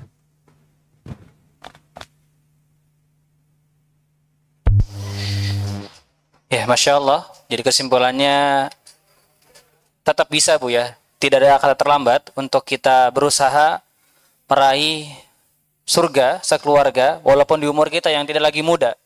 Ya. Kita sesuaikan dengan konsep pendidikan yang beliau tadi jelaskan bahwasanya kalau anaknya masih kecil 0 sampai 7 tahun itu dengan raja ratu konsepnya. Lalu 7 sampai 14 tahun dengan reward dan punishment dan seterusnya. Intinya kita belajar tentang jenjang-jenjang pendidikan setiap umurnya. Dan tadi juga beliau tekankan tentang berkesan bagi seorang anak. Ya mungkin kejadiannya kecil atau enggak sering terulang, walaupun cuma sekali tapi berkesan Ustaz ya. Sampai sekarang beliau sudah jadi ahli ilmu dan Masya Allah. Terus beliau ingat sampai-sampai istrinya harus tahu konsepnya. Bahwasanya nomor satu adalah ibunya. Ya, ya selanjutnya insya Allah masih ada dua pertanyaan lagi untuk ibu-ibu sekalian yang mungkin ada yang masih belum paham atau masih penasaran dan ingin menggali lagi lebih dalam tentang konsep masuk surga sekeluarga, kami persilahkan dua pertanyaan lagi. Ini kayak kenal ibu ini. Gak apa-apa? Oh ya udah. Silakan ibu.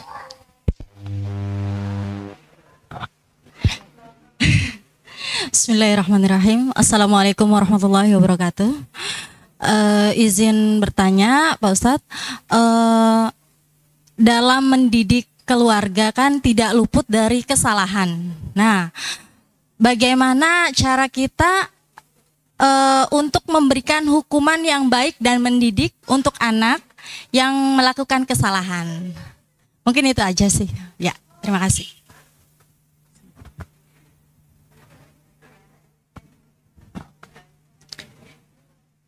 sederhana. Cara kita mengajarkan anak agar minta maaf kepada orang tua, maka kita sebagai orang tua harus sering-sering minta maaf kepada anak. Nak, maafin ibu ya, masakannya kurang enak. Nak, maafin ibu ya, ibu kemarin lupa. Nak, maafin ibu ya, ibu dahulu tidak maksimal dalam didikmu. Maaf, maaf. kunci maaf itulah yang menjadi teladan bahwa oh ternyata kalau salah harus minta maaf. Jadi anak berpikir, oh kalau saya salah berarti saya harus minta maaf. Sebagian antara kita, kita gengsi minta maaf kepada anak. Padahal tidak sama sekali menurunkan harga martabat diri sebagai orang tua ketika orang tua minta maaf kepada anak. Tidak sama sekali. Maka kalau kita sering-sering minta maaf kepada anak, anaknya akan paham ketika anak melakukan kesalahan, dia akan minta maaf kepada bapak dan ibunya. Mengapa anak-anak kita tidak mau minta maaf kepada kita? Karena orang tuanya gengsi minta maaf kepada anaknya. Minta maaf. Sehingga ketika kita minta maaf kepada anak, anak tahu, oh ternyata ibu saya memang manusia. Karena tidak ada yang pernah luput dari kesalahan. Setiap manusia pasti melakukan kesalahan. Dan kesalahan itu wajar. Asal kita mau berintrospeksi dan mau memperbaiki diri. Jangan sampai salah tidak mengaku salah. Karena pada dasarnya minta maaf itu butuh kerendahan hati. Butuh kelegowoan. Minta maaf. Maaf. Ajarkan minta maaf. Jadi pada dasarnya ibu sekalian, cara pengajaran itu bukan hanya sekedar ucapan. Demi Allah, apa yang Anda lakukan dan dilihat oleh anak itu lebih baik daripada satu juta nasihat yang didengar oleh telinganya. Seandainya dia dengar satu juta nasihat, Anda ngelakuin satu perilaku yang membuat dia melihat perilaku Anda, itu sudah cukup dibandingkan satu juta nasihat. Makanya mengapa? Teladan itu lebih powerful dibandingkan ucapan. Makanya teladan itu kan nasihat yang berupa hati, berupa berupa perbuatan, bukan berupa lisan. Dan ternyata nasihat berupa perbuatan itu lebih diutamakan dibandingkan nasihat berupa lisan. Makanya kalau kita saksikan, misalnya ada seorang ibu bilang ke anaknya, nah jangan makan pakai tangan kiri ya. Dia makan pakai tangan kiri lagi. Lupa. Nah jangan pakai tangan kiri, tangan kanan. Tangan kiri lagi dia pakai. Akhirnya dia udah bisa pakai tangan kanan. Anak-anak kan didik lupa gitu kan. Didik, didik, sekali didik lupa lagi, lupa lagi, lupa lagi. Dia udah bisa pakai tangan kanan, minum pakai tangan kanan, makan pakai tangan kanan. Bapaknya pulang. Contohin, minum pakai tangan kiri. Dia ngelihat hilang pendidikan 24 jam yang dilakukan oleh ibu dari rumahnya di awal hari hilang seketika ketika melihat ayahnya minum pakai tangan kiri. Hilang. Makanya kenapa pendidikan itu harus sepakat antara ayah dengan ibu. Kita didik anak gimana? Gini cara didik anak. Jangan sampai ibunya menginginkan surga, ayahnya menginginkan neraka. Jangan sampai suami menginginkan pergi berlabuh ke arah utara, tapi istri menginginkan berlabuh ke arah selatan. Jangan sampai berbeda antara konsep yang diinginkan oleh keduanya. Harus sama-sama sepakat. Minimal dalam hal keteladanan. Kalau sudah ada peraturan di rumah A bahwa setiap kali masuk rumah harus pakai salam, berarti semua anggota keluarga masuk ke rumah harus pakai salam. Pun tamu demikian. Jangan sampai anak kita ngelihat tamu, tiba-tiba minum pakai tangan kiri, tiba-tiba masuk tanpa pakai salam, tiba-tiba teriak-teriak di rumah. Sehingga anak itu lebih melihat apa yang diperlakukan oleh orang di sekitarnya dibandingkan apa yang dia dengar. Mata lebih dominan dibandingkan telinga. Maka pastikan yang dia lihat hanyalah yang baik-baik saja. Kalau ternyata anak kita ngelakuin kesalahan, pertama, wajarkanlah. Yang kedua, koreksi. Nah, kamu sudah baik sekali nak, tinggal ini saja nak yang perlu diperbaiki. Jadi cara menasehati itu diapain awalnya? Diapresiasi dulu. Diapresiasi dulu, baru dikoreksi yang salah-salahnya. Jangan hanya judge, kamu tuh salah ini, ini, ini, ini, ini. Dia akan lari. Dan demikianlah orang pada dasarnya biasanya menginginkan sebuah nasihat kalau diapresiasi dulu. Apresiasi dulu. Masya Allah, kamu tuh udah baik sekali. Tinggal ini saja. Kamu tuh sudah sempurna sekali. Tinggal ini saja. Saya pribadi kalau saya menasehati anggota keluarga yang belum pakai hijab, saya biasanya nasihati, Masya Allah, kamu ini sudah sempurna, akhlak kamu sudah bagus sekali. Kamu tuh sudah menjadi orang baik sekali. Akan tambah sempurna lagi kalau auratmu tertutup. Itu cara kita menasihati orang. Jadi bukan dengan cara neraka kamu kalau kagak pakai hijab. Orang lari, lari orang. Makanya nasihat pun butuh apa? Kecerdasan cara menasihatinya. Gak sembarangan. kita pilih diksi-diksi yang tidak melukai hati dia sehingga dia menerima nasihat kita. Kalaupun tidak menerima nasihat, minimal kita menyampaikannya dengan cara yang baik. Karena tujuan yang baik harus dengan cara yang baik juga. Allahu a'lam. Ya, berikut Ibu jawabannya dengan teladan dengan cara yang baik. Ya, insya Allah terakhir eh, pertanyaan dari ibu-ibu. Insya Allah yang terakhir. Oh, dari paling ujung. Bisa mic ya?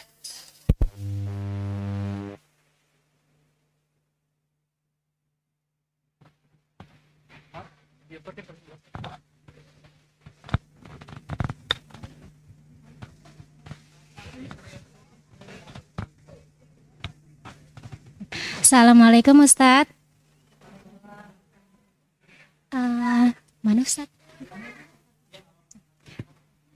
Saya ibu muda, ibu baru gitu. Eh, tentang tauhid, bagaimana caranya kita mengajarkan anak kita, tapi di rumah itu dicampuri. Maksudnya cara apa sih? Ya caranya berbeda pandangan dengan orang tua suami. Contohnya kayak kemarin kan kodorullah anak saya sakit, Eh, terus kayak hmm, cara pengobatannya kayak berbeda gitu. Kalau anak saya kan memang ada alergi debu, nggak bisa eh, kena debu, udah masuk. Terus tapi emang karena emang sakit-sakitan terus, keluarga suami saya minta air ke orang pinter. Itu gimana ya hukumnya? Makasih Ustadz. Ya, kami simpan dulu ya Bu ya pertanyaannya. Jadi nanti insya Allah kami sampaikan ke Ustadz. Cuma sambil menunggu Ustadz karena beliau sedang eh, ke toilet. Tadi orang pintar ya Bu ya? Ah, Orang pintar. IPK-nya berapa Bu? Di uni- universitas berapa gitu? Ya. Eh, terkadang ya subhanallah ini intermezzo sedikit sebelum ke jawaban inti dari Ustadz. Eh, nanti mungkin diperjelas tentang konsep orang pintar ya dan bagaimana pandangannya. Ya, eh, kami sedikit mengulas sambil menunggu Ustadz kembali ke meja. Jadi bahwasanya ada sedikit tadi yang penting sekali ya tentang konsep bertahap ya. Ketika anak itu masih kecil, 0 sampai 7 tahun, maka dijadikan raja dan ratu ya. Lalu ketika 7 sampai 14 tahun, reward dan punishment ya, hukuman dan hadiah bagi kalau dia bisa melakukannya. Lalu 14 sampai 20 14 sampai 21 tahun ya dengan diskusi. Jadi kalau ada ibu-ibu yang saya mungkin saya rasa umurnya sudah di 50 tahun ya. Dan anaknya sudah besar, maka bisa diajak diskusi Ibu ya dengan baik-baik dan dengan kepala dingin. Lalu juga kalau sudah di umur 21 ke atas dengan amanah sebagai seorang pemimpin.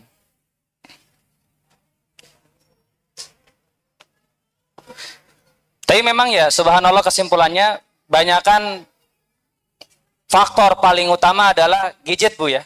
Sepakat ya? Gadget. Ya maka tadi kan ibunya masih muda tuh, mumpung masih muda diterapkan tentang konsep yang beliau sampaikan jangan main HP depan anak ya atau gunakan seperlunya sering interaksi dengan anak ya.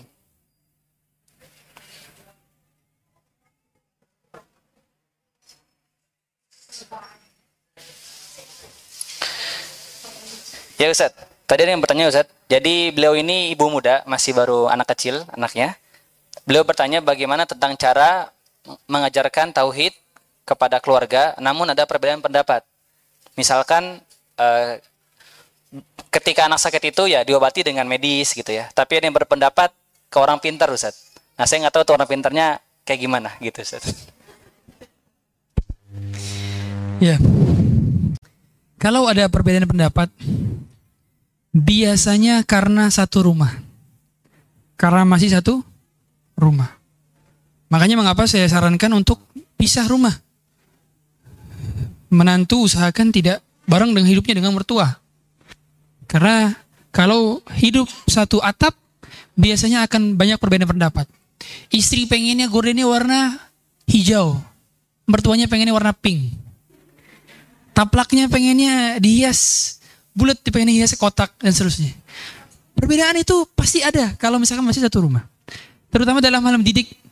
Apalagi biasanya nenek itu punya masih memiliki apa namanya masih ada rasa kemirikan untuk juga mengikuti semua sebagai aturannya kan gitu sekadar kadang makanya pertama usahakan untuk tidak serumah meskipun kontrak yang kedua kalau sudah ada perbedaan demikian maka harus sampaikan yang benar demikian jangan sampai kebenaran tidak terungkapkan sampaikan kalau nggak ada istilahnya orang pinter nggak ada itu istilah lain dari dukun biasanya kan. Dan kita mengajarkan konsep tauhid bahwa dalam konsep tauhid tidak boleh ada hal-hal kesyirikan di dalam rumah. Sehingga ketika berobat ya berobat mengambil sebab dua hal saja. Sebab syar'i sama sebab kauni. Kalau sebab syar'i dengan diruqyah, kalau sebab kauni dengan minum obat atau terapi yang memang betul-betul sesuai dengan sains gitu kan bukan dengan cara hal-hal yang tidak dibenarkan dalam syariat. Ya. Uh, atau ke orang pinter, ke orang pinternya dipakein jimat atau dibawain apa namanya buhul dan seterusnya. Ini adalah bagian daripada kesyirikan. Karena tidak boleh memakai jimat, tidak boleh menjadikan sebab padahal bukan sebab. Ja'lu syai'in sababan ma laisa sababan. Itu tidak boleh dalam agama kita. Sehingga ketika terjadi ada khilaf di antara keluarga dalam mendidik keluarga, maka yang memiliki kewenangan untuk mendidik anak adalah bapak dan ibunya, bukan orang lain, bukan bukan kakak ipar, bukan nenek, bukan kakek, tetap Anda sebagai orang tua memiliki kewenangan untuk mengajarkan tauhid kepada anak. Ustadz gimana Ustadz kalau posisi saya sebagai neneknya ternyata bapaknya atau ibunya lah dia yang yang menjadikan cucu kami dididik oleh orang pintar. Nah, maka lagi-lagi diingatkan. Anda berarti punya kewenangan untuk amar ma'ruf nahi mungkar. Jangan sampai anak-anak kita terdidik dengan kesyirikan, tidak didik dengan tauhid. Karena lagi-lagi pondasi tauhid inilah yang menjadi inti doa-doanya para nabi. Kalau kita lihat bagaimana wasiatnya Luqman kepada anaknya. Apa wasiat Luqman kepada anaknya? Ya bunayya, la tusyrik billah. Wahai anakku jangan menyembah kecuali kepada Allah. Jangan berbuat syirik. Apa yang diwasiatkan oleh Nabi Yakub kepada anak-anaknya? Maca ta'buduna min ba'di apa yang kalian sembah selepas peninggalanku? Apa yang dinasihatkan kepada Nabi Ibrahim kepada anak-anaknya? Nabi Ibrahim berdoa, "Wa junubni wa bani an na'budal asnam." Jauhkanlah aku dan keluargaku dari api neraka. Berdoanya dan ucapannya supaya anak tidak syirik. Jangan sampai pendidikan ini yang luput dari kita. Ingat hadirin, syirik ini dosa yang paling besar. Do, syirik besar mengeluarkan orang dari Islam. Syirik kecil lebih besar daripada dosa besar lainnya. Maka jangan pernah biarkan anak-anak kita dididik dengan kesyirikan. Allahu alam.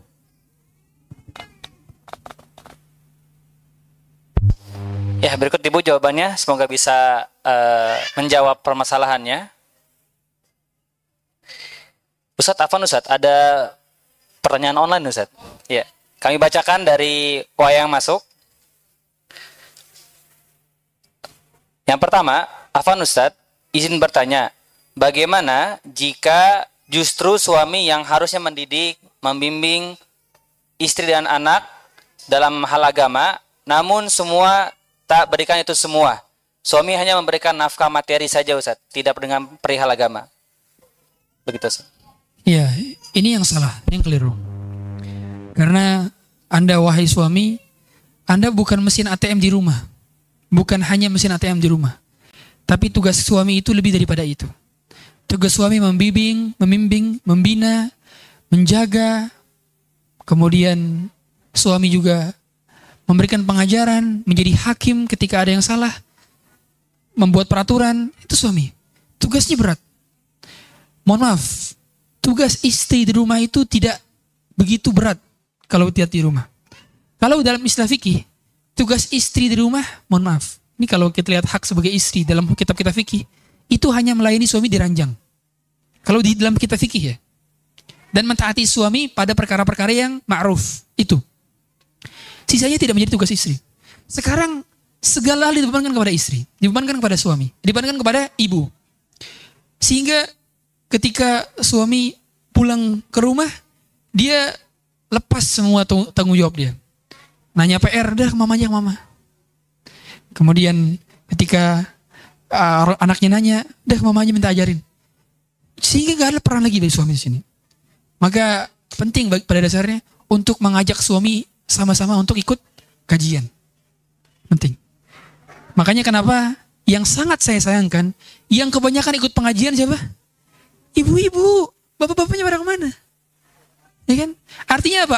Ibu-ibunya doang dapat ilmu terus, bapak-bapaknya nggak dapat ilmu akhirnya. Dan kita nggak dapat ilmu akhirnya jomplang. Ibunya yang malah ngajarin anak-anak di rumah, bapaknya nggak pernah ngajarin anaknya di rumah. Ibunya yang jadi hakim di rumah, bapaknya nggak pernah jadi hakim di rumah. Ibunya yang memberikan keputusan di rumah, bapaknya nggak tidak mengambil keputusan di rumah.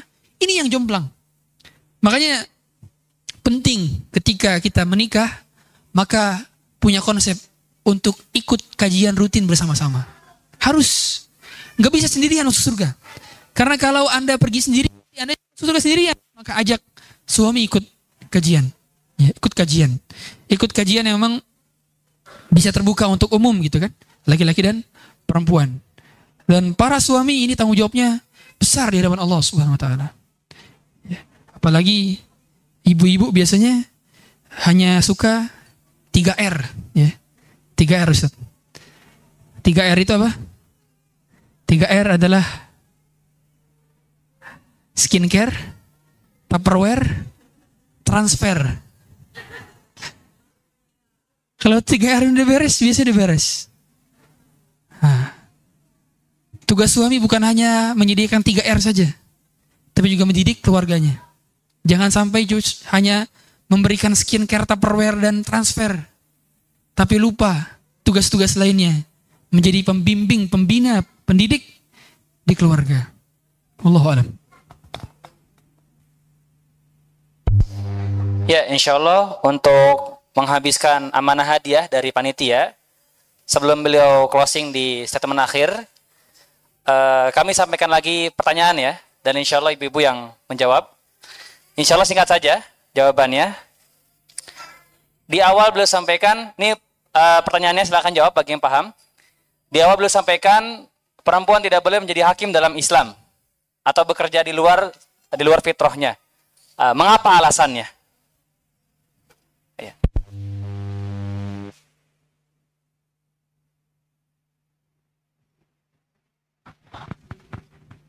Karena bisa mengikis perasaannya. Ya betul, masya Allah. Ibu pengalaman atau gimana? Enggak ya. Dari materi kan ya? Iya dari materi. Satu lagi. Iya. Ustadz mungkin mau tanya Ustadz. Aduh. Aduh,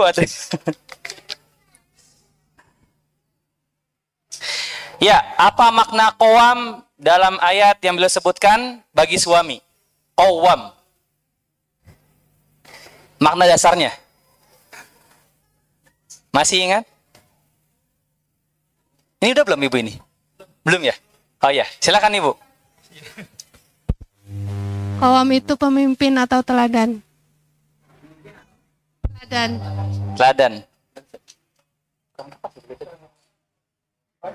Panutan semuanya. Ada lagi ibu mungkin yang digali-gali? Masih ingat? Pemimpin, teladan, panutan.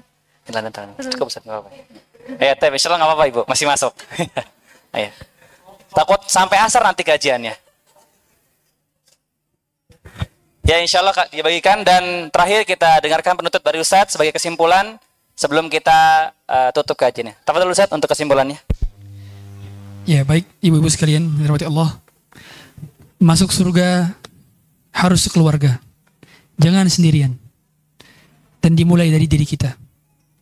Cara kita memperbaiki diri, menjadi teladan, menjadi pribadi yang dikagumi dan dicintai.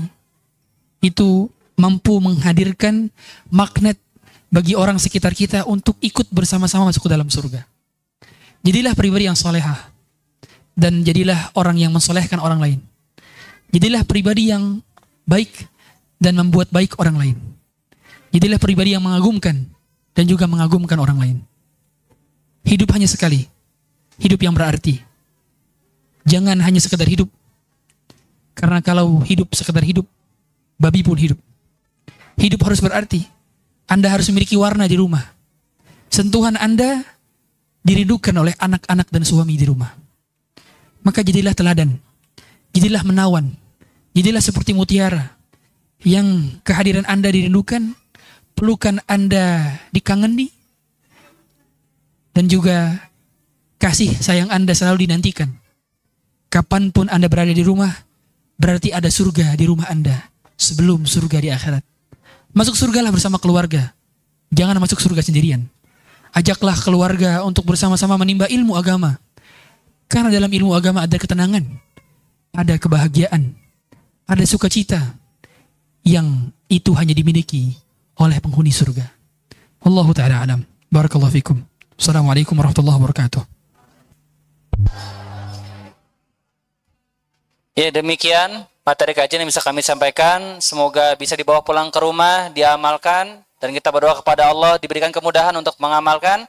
Kita tutup dengan doa kafaratul majelis. Subhanaka Allahumma wa bihamdika asyhadu an la ilaha anta astaghfiruka wa atubu. Sekian dari kami, mohon maaf atas segala kesalahan. Wassalamualaikum warahmatullahi wabarakatuh.